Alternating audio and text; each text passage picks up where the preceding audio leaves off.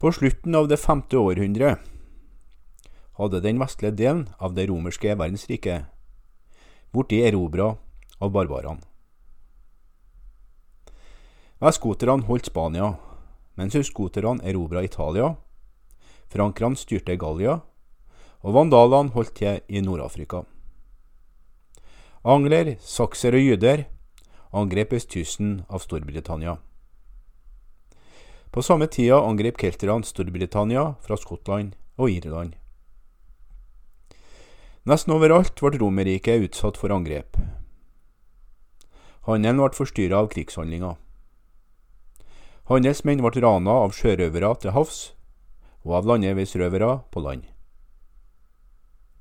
Kollapsen av handelen var dødsstøtet for mange byer i Europa. Byer forfalt da det romerske styret forsvant. Da det romerske imperiet kollapsa, så var det ikke lenger behov for administrasjonsbyer. Med lite handel så forsvant også handelsbyene. Fattige byboere forlot byene for å slå seg ned på landsbygda som bønder. Flesteparten av europeerne bodde nå ute på landet. Samtidig gikk lesing og skriving tilbake. Barbarene som erobra Romerriket, kunne verken lese eller skrive. For romerne sank kunnskapsnivået betraktelig da mange av dem flytta ut på bygda. På 600-tallet var det bare prester som kunne lese. Latinferdighetene deres var på et lavmål. Da Romerriket var på høyden, så kunne lærde over hele riket snakke latin. Da germanske stammer bosatte seg i Romerriket, så kom språket til å forandre seg. Tyske ord kom inn i latin, og det kom til å utvikle seg flere dialekter. På 800-tallet hadde spansk, fransk og italiensk utvikla seg fra latin. I årene mellom 400 og 600 tok tyske kongedømmer over romerske provinser. Grensene mellom disse kongedømmene endra seg konstant som følge av krig. Tanken om hva styresett innebar, forandra seg også. De germanske kongene satte personlige forbindelser og vennskap høyt, ikke offentlig styring og lover. Germanerne så ikke på seg sjøl som medlemmer av en stat, men som familiemedlemmer og tilhengere av en leder. Hver frankisk, saksisk og vestgotisk høvding hadde krigere som hadde sverga troskap til han. I fredstid holdt disse krigerne til på kongsgården. Høvdingen ga dem mat, våpen og gaver. I krig sloss disse krigerne ved sida av kongen. Det var en ære å ofre livet i kamp for kongen. De personlige båndene mellom kongen og tilhengerne gjorde det vanskelig å styre store områder. Da de romerske veiene og romerretten knakk sammen, så fortsatte en institusjon å fungere. Det var kirka. Tidlig i middelalderen så var kirkene en sterk makt i Europa. På 300- og 400-tallet var det mange misjonærer som besøkte keltiske og germanske områder som lå nær grensene til Romerriket. Misjonærene risikerte livet for å spre trua si. Iren Patrick var en av de mest kjente misjonærene. Han ble født av kristne foreldre i den romerske delen av Storbritannia på 400-tallet, like før den angelsaksiske invasjonen. Da han var 16 år gammel, så ble landsbyen hans angrepet av keltere fra Irland. Patrick ble tatt til fange og frakta til Irland som slave. Etter seks år i fangenskap klarte han å flykte fra Irland. Han dro til Gallia, der han ble biskop. Målet hans nå var å kristne Iran. I 432 vendte han tilbake til Irland som misjonær. Sjøl om han ofte havna i fengsel, eller var trua med dødsstraff, så klarte han å bygge kirker over hele Irland. Politikk spilte en viktig rolle når det gjaldt å spre kristendommen. Sendt på 400-tallet styrte en hensynsløs konge med navnet Klodvik i den nordlige delen av Gallia. Frankerne var hedninger, men kona til Klodvik mente at han måtte omvende seg til kristendommen. I 496 ledet Klodvik krigerne sine til å delta i et slag mot en annen germansk stamme. Slaget gikk i begynnelsen dårlig for Klodvik. Han ba til Gud, og han vant slaget. 3000 av krigerne hans gikk over til kristendommen. Klodviks overgang til kristendommen ble godt mottatt av den romerske kirka. De katolske biskopene trengte hjelp i kampen mot de germanske folkene. Vestgoterne, østgoterne og burgunderne var allerede kristne, men de var ikke katolske kristne. Mange germanske kristne var arianere. Den katolske kirka så på arianerne som hedninger. Klodvigs omvendelse var sett på som et spesielt samarbeid mellom franskekongen og den katolske kirka. På 600-tallet hadde den katolske kirka klart å omvende mange av de germanske folkeslagene som hadde flytta inn på romersk landområde. Mange plasser var overgangen til kristendommen bare overfladisk. Mange konger hadde to altere. Et alter for Gud og et alter for den hedenske guden. De kristne misjonærene fortsatte med å ta seg inn på hedningenes områder. På Romerrikets tid så var biskopene de mektige lederne av den katolske kirka. Hver storby hadde sin egen biskop. Da byfolket flytta ut på landsbygda, så måtte de kristne finne på noe nytt. Dermed oppsto klosterbevegelser. Klosteret var samfunn der mannfolk og kvinnfolk bodde i lag, og der de ga opp retten til eiendeler, og der de levde veldig enkelt. De brukte livet sitt på tilbedelse og bønn. Kvinnfolkene kalte seg nonner, og mannfolkene kalte seg munker. Det var forventa at de skulle leve et liv i fattigdom, med seksuell avholdenhet og et liv i lydighet. Munken Benedikt satte opp regler for hvordan munkene skulle leve. Han ble født i år 480 i Italia. Benedikt gikk på skole i Roma. 15 år gammel slutta han skolen og dro til Sabinefjellene for å søke ensomheten. Her bodde han som eneboer i en fjellhule i flere år. Ryktene gikk om han. Flere eneboere kom til han og ba han om å danne et kristent samfunn med Benedikt som leder. I 540 ga Benedikt ut en bok med strenge regler for hvordan en munk skulle leve livet sitt. Når en munk gikk inn i et kloster, så skulle han forbli der for resten av livet sitt. Dagen i et kloster skulle følge strenge regler. Det skulle være bønnetid åtte ganger i løpet av dagen. Munkene skulle arbeide syv timer hver dag. To timer hver dag skulle brukes til å studere Bibelen eller andre kristne bøker. Munkene fikk ett til to måltider hver dag. Vin var tillatt, men ikke rødt kjøtt. Benedikts søster Skolastika danna et kristent samfunn for bare kvinnfolk.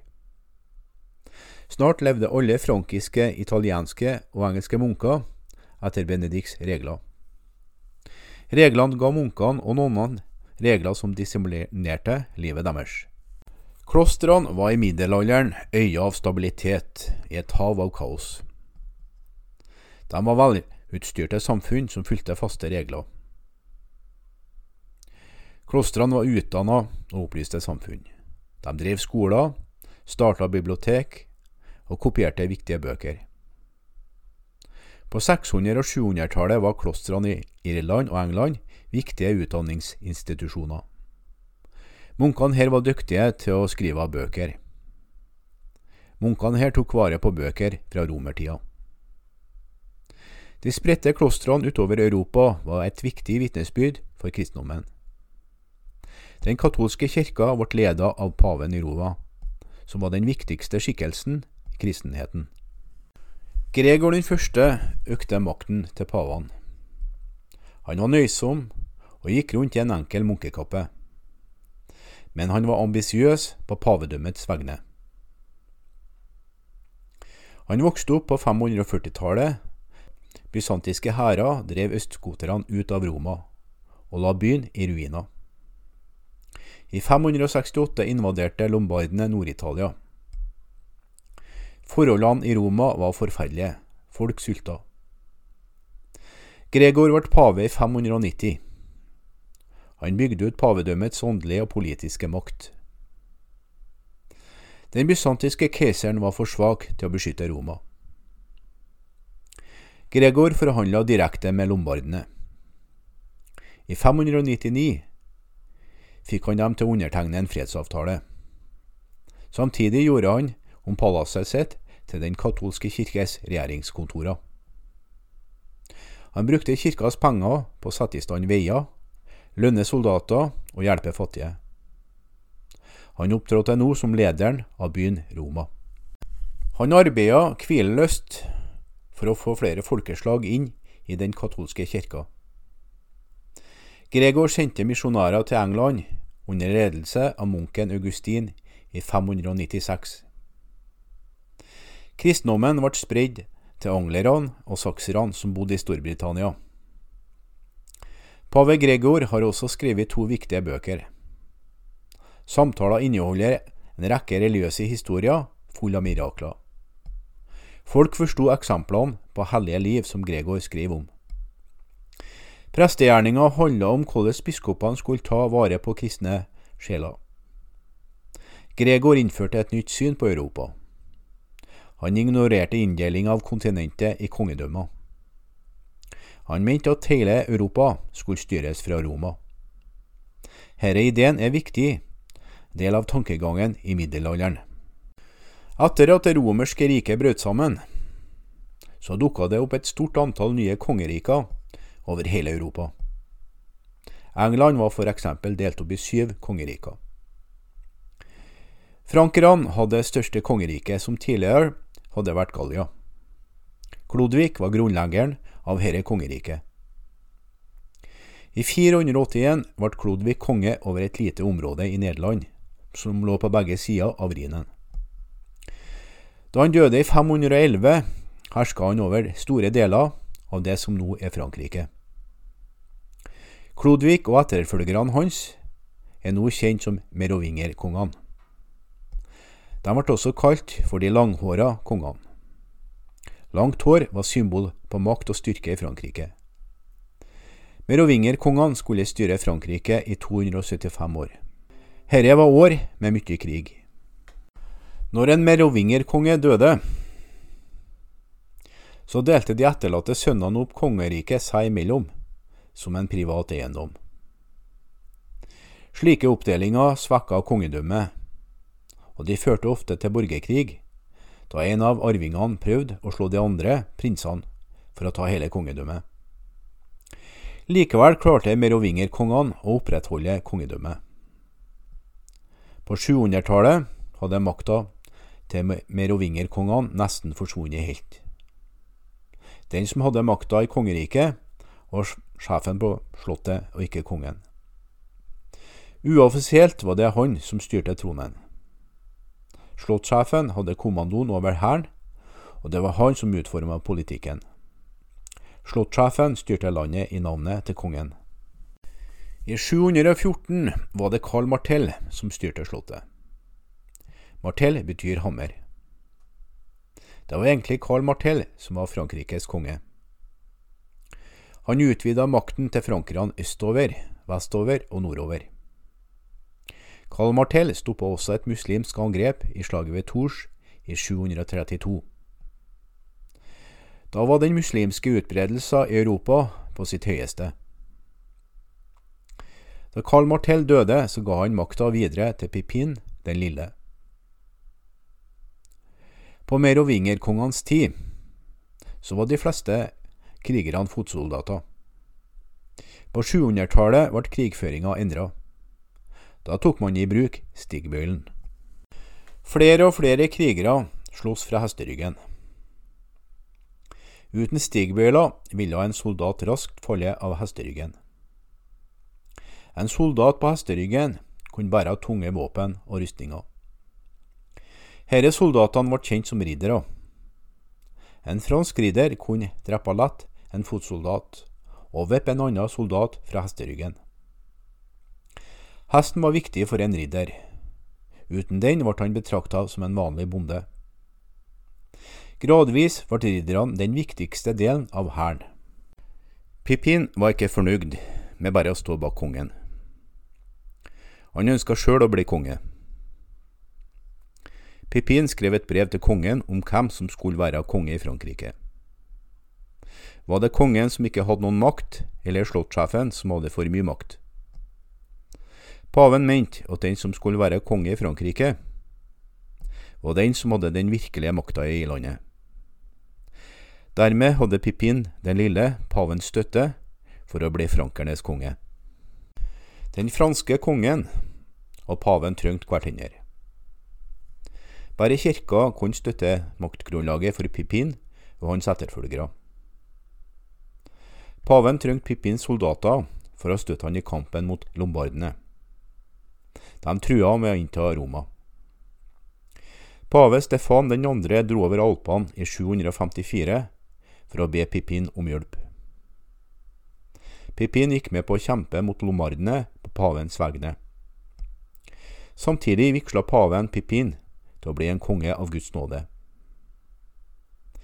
Pippin var den første kongen som ble utnevnt av en pave.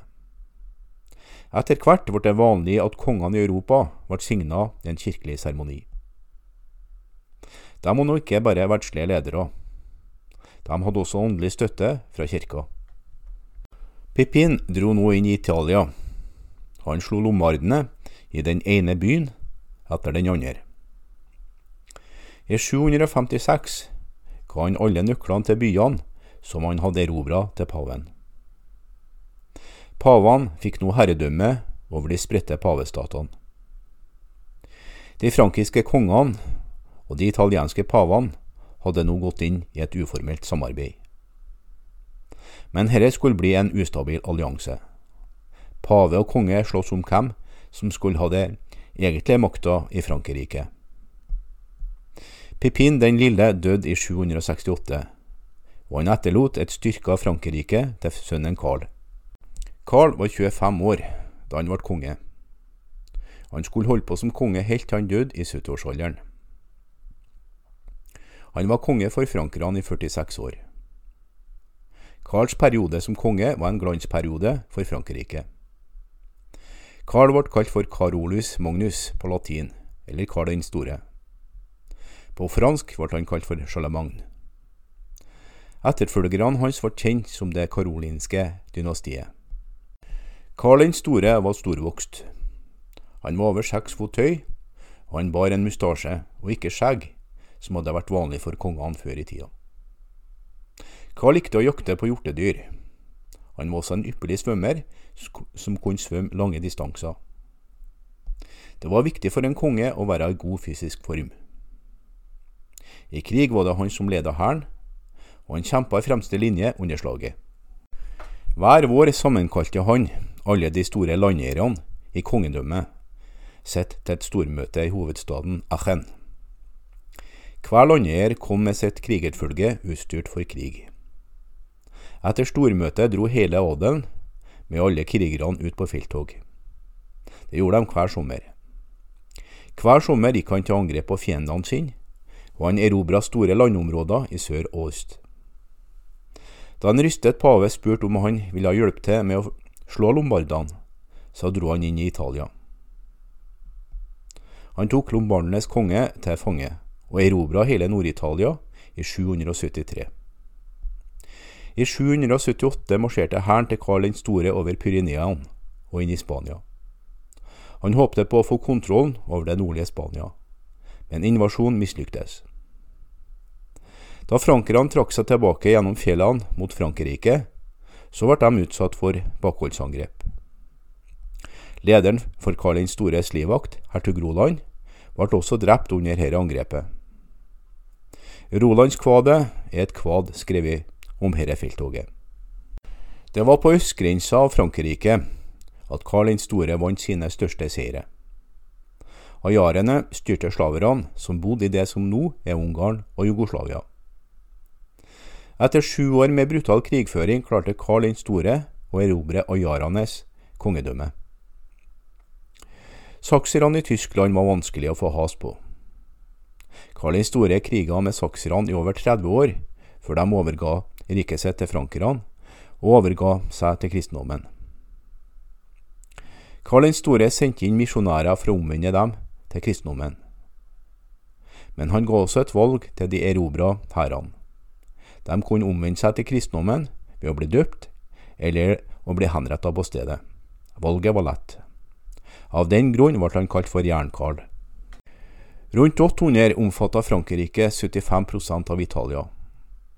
Hele dagens Frankrike, en liten del av Spania og hele Saksen i Tyskland. Frankrike hadde nå blitt større enn det bysantiske riket. Bare en hersker med Karl den stores energi og evner kunne herske over et så stort rike. Karl den store trengte hjelp fra adelsmenn for å styre det store riket sitt. Samtidig måtte han begrense makta til disse mannfolkene. Hele Frankrike var delt inn i områder. Hvert område ble styrt av en adelsmann. De opprettholdt kongens lov i sitt område, og de stilte med soldater. I teorien kunne kongen kvitte seg med en adelsmann. I realiteten satt mange adelsmenn i over 30 år i områdene sine. De var lojale overfor kongen, men de kunne fort gjøre seg uavhengig av kongens makt. Karl den store stolte ikke på stormennene sine. Han sendte ut agenter som kontrollerte at adelsmennene styrte etter loven.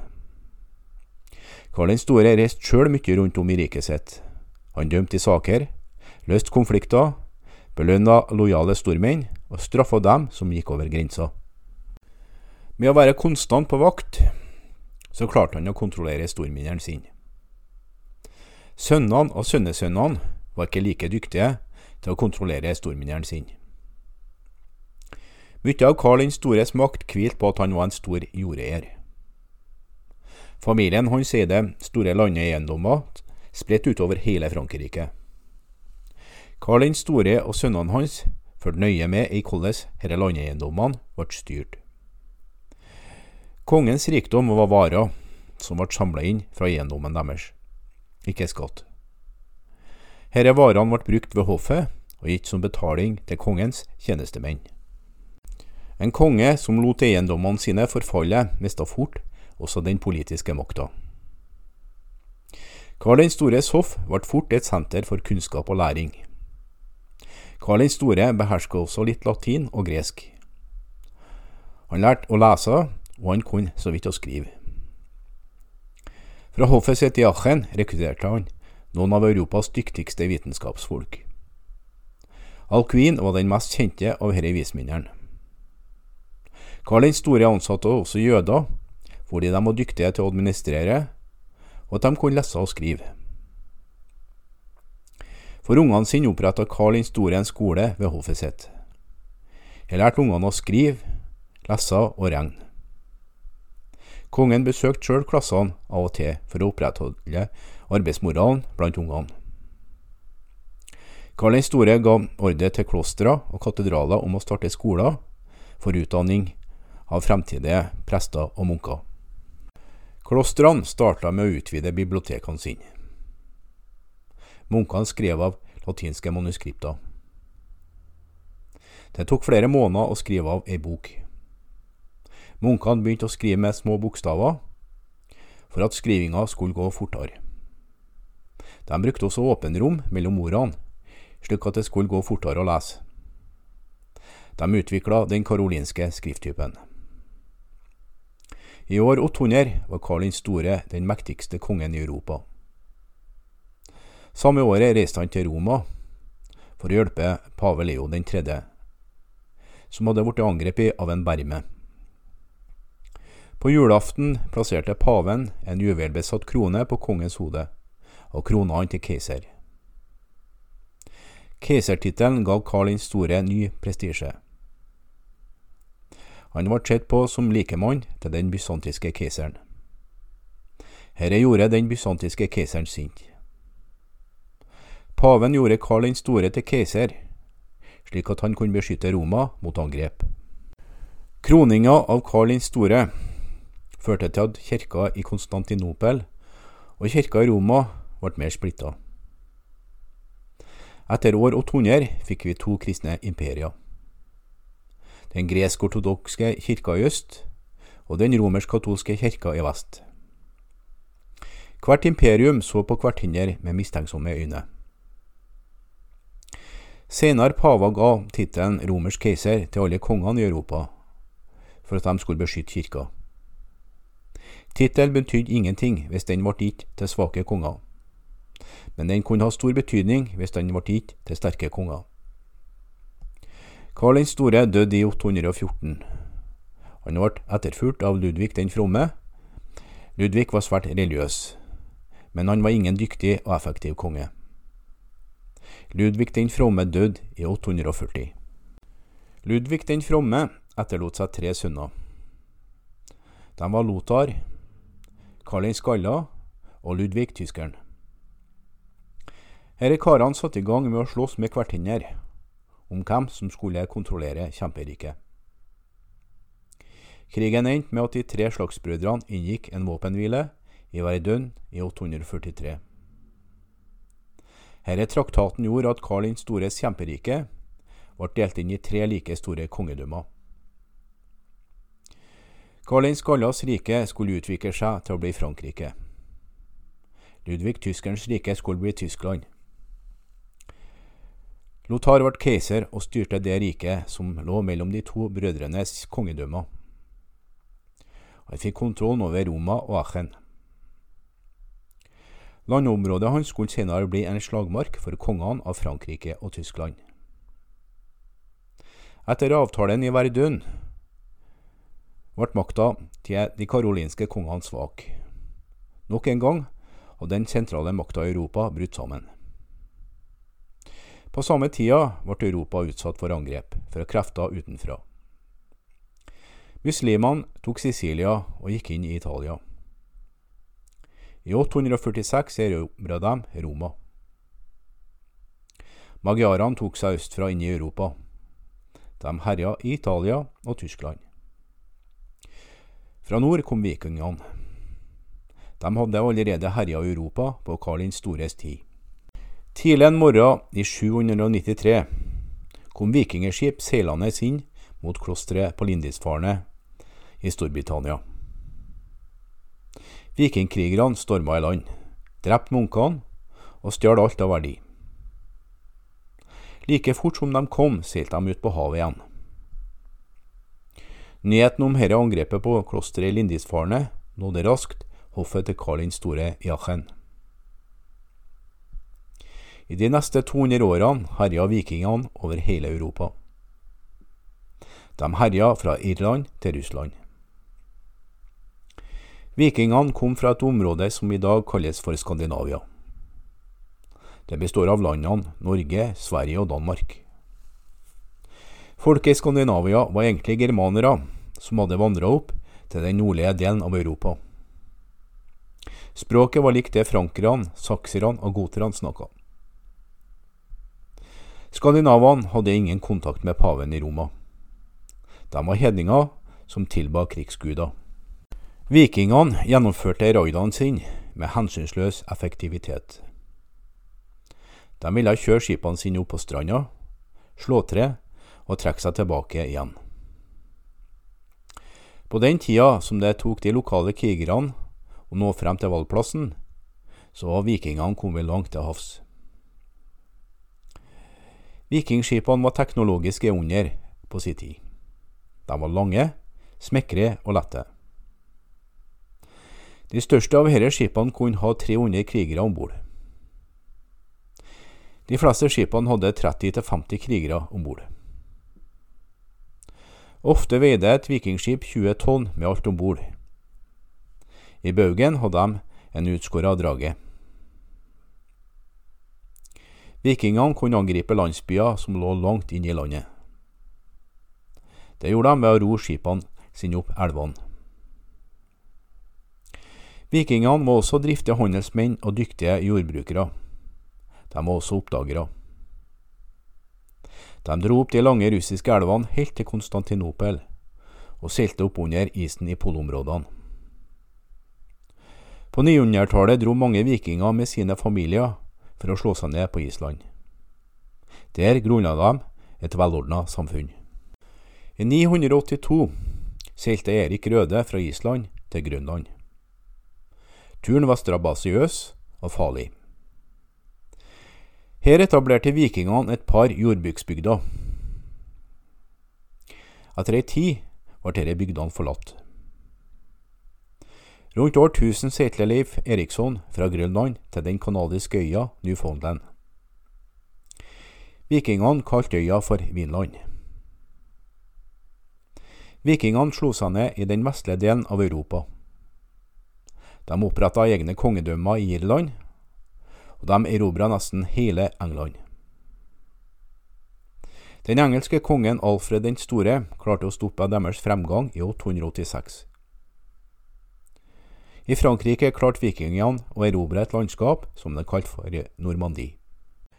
I alle disse områdene var vikingkrigerne forgjengerne til handelsmenn og bønder. Krigerne ble fulgt av familier, kremmere, håndverkere og bønder. Rundt år 1000 stoppa vikingenes terror opp på Stillehav. Det er flere årsaker til det.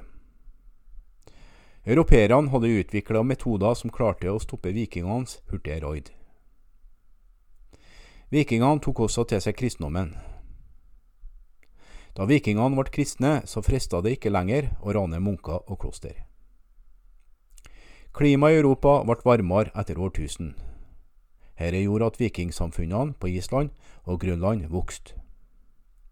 Ettersom det ble lettere å drive jordbruk i Skandinavia, så ble det mange skandinaver som forble hjemme i stedet for å dra i viking. I 911 møttes Gangerolf og Karl den enkle til et møte for å inngå en fredsavtale. Gangerolf hadde plyndra dalen der elva Sein renner i mange år. Karl den enkle kontrollerte bare en liten del av Frankrike. Karl den enkle ga Normandie til Gangerolf, mot at han ikke gikk til krig mot han. Under seremonien fornærma Gangerolf Karl den enkle. Han hadde ingen respekt for kongen. Flere konger og krigsherrer gjorde lignende avtaler over hele Europa. Fra 850 til 950 dukka det opp et nytt mønster i Europa. Landsbyer søkte beskyttelse hos nærmeste krigsherre. Her fikk man beskyttelse, sjølstyre og sjølforsyning. Dette styringssystemet skulle bli kjent som føydalismen. Dette var et militært og politisk system som gikk ut på å ha kontrollen over landområder. Føydalismen gikk ut på at det var en avtale mellom en lensherre og en vasall. De personlige lojalitetsbåndene mellom lensherren og vasallen var viktige i føydalismen. Eden som ble inngått mellom de to, hadde samme betydning som en kontrakt. Vasallen gikk ned på kne, barhoda, og la hendene i hendene på lensherren. Han sverga på at han skulle beskytte lensherren med sitt liv. Lensherren kyssa nå vasallen på panna. Så kom investitur, der lensherren ga vasallen en kjepp eller et stykke jord. Det var et symbol på at vasallen nå fikk kontrollen over et stykke jord. Herre jordstykket ble kalt et len. Det var viktig at vasallen hadde krigere som kunne beskytte han og lensherren. Derfor ble lenet delt opp i mange jordstykker. Hvert jordstykke skulle kunne forsørge en kriger med mat og det han trengte. Nederst på rangstigen i dette systemet var ridderne. Føydalsystemet hadde klare fordeler når det gjaldt å forsvare Europa. De kunne slå tilbake angrep fra vikinger, magyarer, muslimer, landeveisrøvere osv. Lensherrene bygde ut støttepunkter som borger. I føydalssystemet så sto borgen øverst. Deretter kom lensherrene, og til slutt ridderne. Dette fungerte på papiret, men ikke i virkeligheten. Ridderne måtte kjempe i hæren til lensherren når han krevde det. Fra hver ridder kunne lensherren kreve 40 dager på hesteryggen i krig hvert år. Våpen, rustning og en krigshest var kostbar. Derfor trengte en ridder mye jord for å ha råd til å holde seg med slikt utstyr. Han måtte også bruke mye tid på å trene med våpnene. Ridderne var spesialister i krigføring, og de via livet sitt til det å krige. Føydalismen var et militært system og et landeiersystem. Adelskvinner og biskoper eide også store landeiendommer, sjøl om de ikke var krigere. En adelsk kvinne kunne arve en landeiendom etter sin avdøde mann. Hun kunne også styre landeiendommen i navnet til sønnen sin, og imøtekom de føydale kravene. Hun sendte ridderne i krig hvis lensherren krevde det, eller hun forsvarte borgen mot angripere hvis man var borte. Biskopene hadde også krigere i sin tjeneste, men biskopene sjøl deltok ikke i slag. Noen biskoper utmarka seg likevel. Biskop Turpin fra Reims og biskop Bodo fra Bayeux var tøffe krigere. Men de fleste biskopene sendte sine krigere til slagmarka uten sjøl å delta. Vasallene måtte også hjelpe lensherren i fredstid. Vasallen fikk alt det jorda ga fra seg, og han fikk råderett over jorda, med alle gårdene som fantes der. Han måtte også organisere et rettssystem, avkreve broavgift og samle inn skatter. Juss var vasalens viktigste geskjeft i fredstid. Fra biskoper og arbeider kunne lensherren avkreve administrative og legale tjenester. Mange geistlige kunne lese og skrive. Derfor fikk biskoper og arbeider ofte i oppdrag å være lensherrens sekretær. I krisetida kunne lensherren spørre vasallen om økonomisk hjelp. Det var vanlig å be om hjelp når sønn skulle slås til ridder, når dattera skulle giftes bort, eller når lensherren skulle gå i krig. Lensherren kunne også ta inn på vassalens gods og forvente å få mat, drikke og husvære i flere dager. Under føydalismen ble offentlige tjenester privatisert. Det var private som tok seg av rettsvesen, forsvar og politikk. Lensherrene kunne bytte disse pliktene seg imellom, og rettighetene kunne gå fra far til sønn. Befolkninga besto av adelsmenn som kriga, prester som ba, og bønder som arbeida. Adelsmenn og prester var en viktig del av det føydale systemet. Bøndene, derimot, sto utafor dette systemet. Men deres harde arbeid utgjorde likevel grunnmuren i det føydale systemet. Den grunnleggende enheten i det føydale systemet var riddergodset. Det var herre gården som ridderen og hans familie levde av. Riddergodset kunne være et helt len, eller bare en del av et len. En ridder kunne ha flere riddergods. Når han var ute og reiste eller kriga, så var det en forpakter som tok seg av gården. Et riddergods dekka noen kvadratkilometer. Ofte rant det ei elv gjennom eiendommen. Her ble det tatt opp fisk. Ellers besto riddergodset av kornåkre, beiter og skogeiendommer. På disse arealene måtte bøndene produsere alt som dem og riddernes familie trengte av mat og drikke. Det neste som ble kjøpt inn til gården, var salt, møllesteiner og jern. Mat, brensel, tømmer, ull og lær ble produsert på eiendommen. Riddergodset var et selvforsynt samfunn. De fleste bøndene på eiendommen var livegne. De var ikke fri, men de var heller ikke slaver. De kunne ikke bli kjøpt eller solgt eller bytta bort til en annen landeier.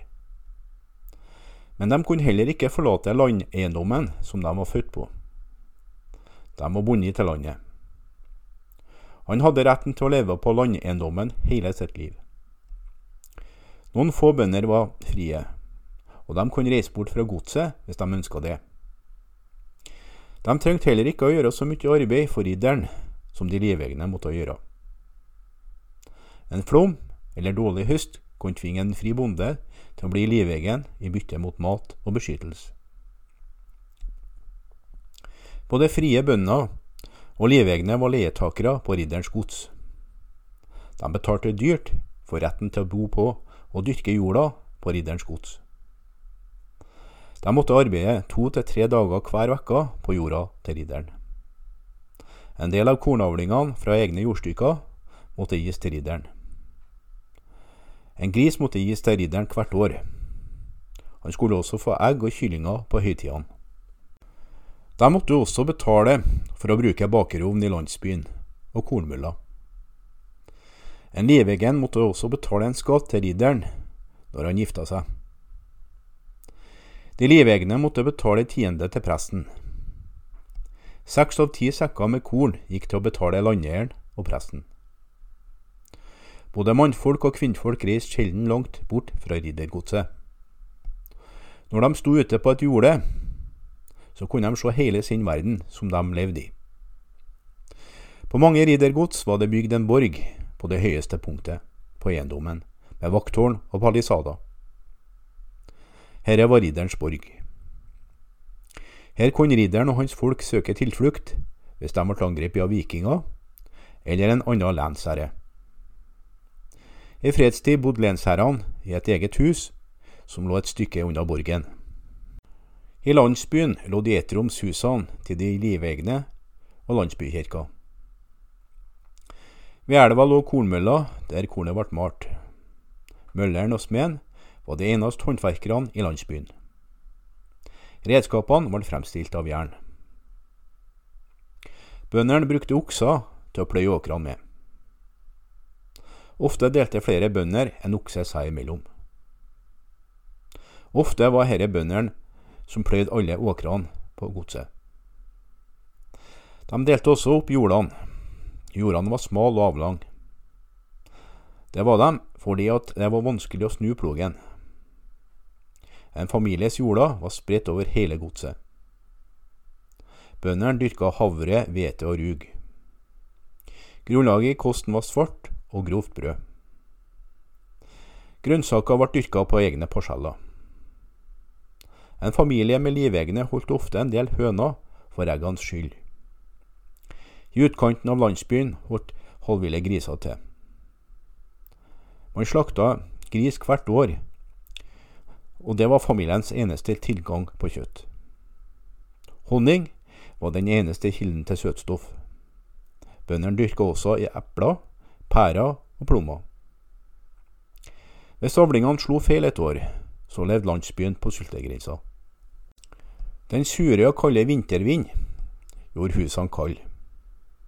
Gulvene var av jord. Borti et hjørne av rommet var senga som hele familien sov i. Ofte dekka de til seg med noe høy. Ofte slapp de livegne inn sauer, griser og gjess for å øke varmen i rommet. Ridderne spiste bedre og bedre kledd enn bøndene. Likevel var de også et lett bytte for sykdom. Årene mellom 500 til år 1000 var harde for de fleste europeerne. Det ble gjort få nyvinninger. Rundt år 1000 kom det til å skje forandringer innen handel, gårdsbruk, administrasjon og undervisning.